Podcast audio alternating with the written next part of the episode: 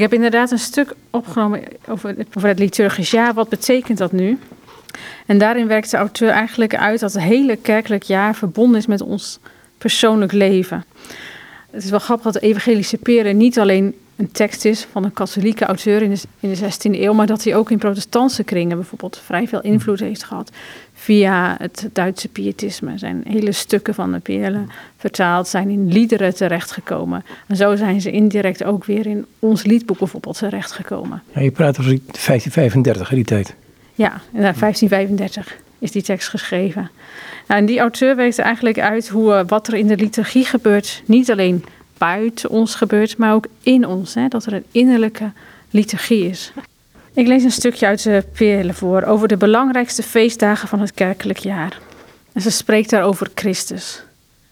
Ik, zegt Christus, ik ben ooit mens geworden voor u, zodat ik ook altijd op een geestelijke manier in u geboren zou kunnen worden.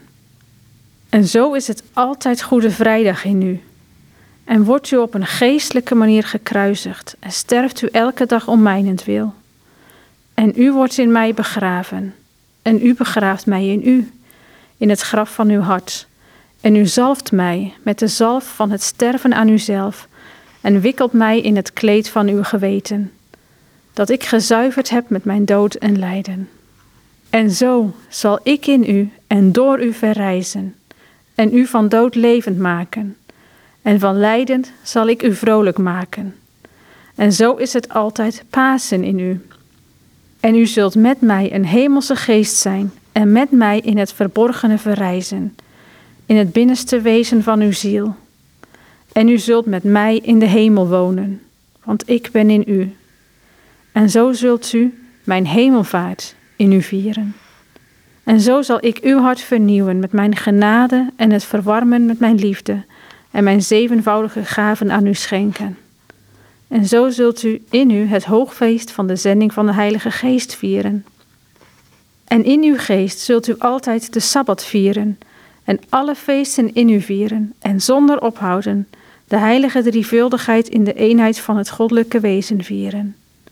Hij die verenigd is in uw wezen.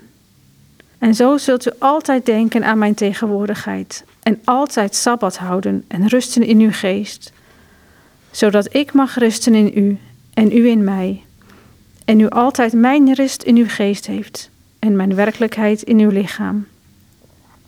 En dan vat ze eigenlijk samen. Alle andere grote feesten die door mij op een uiterlijke manier gevierd werden, moeten ook in u op een geestelijke manier vervuld worden want dat is de reden waarom zij gevierd worden. Altijd moet u mijn leven en lijden in uw hart dragen.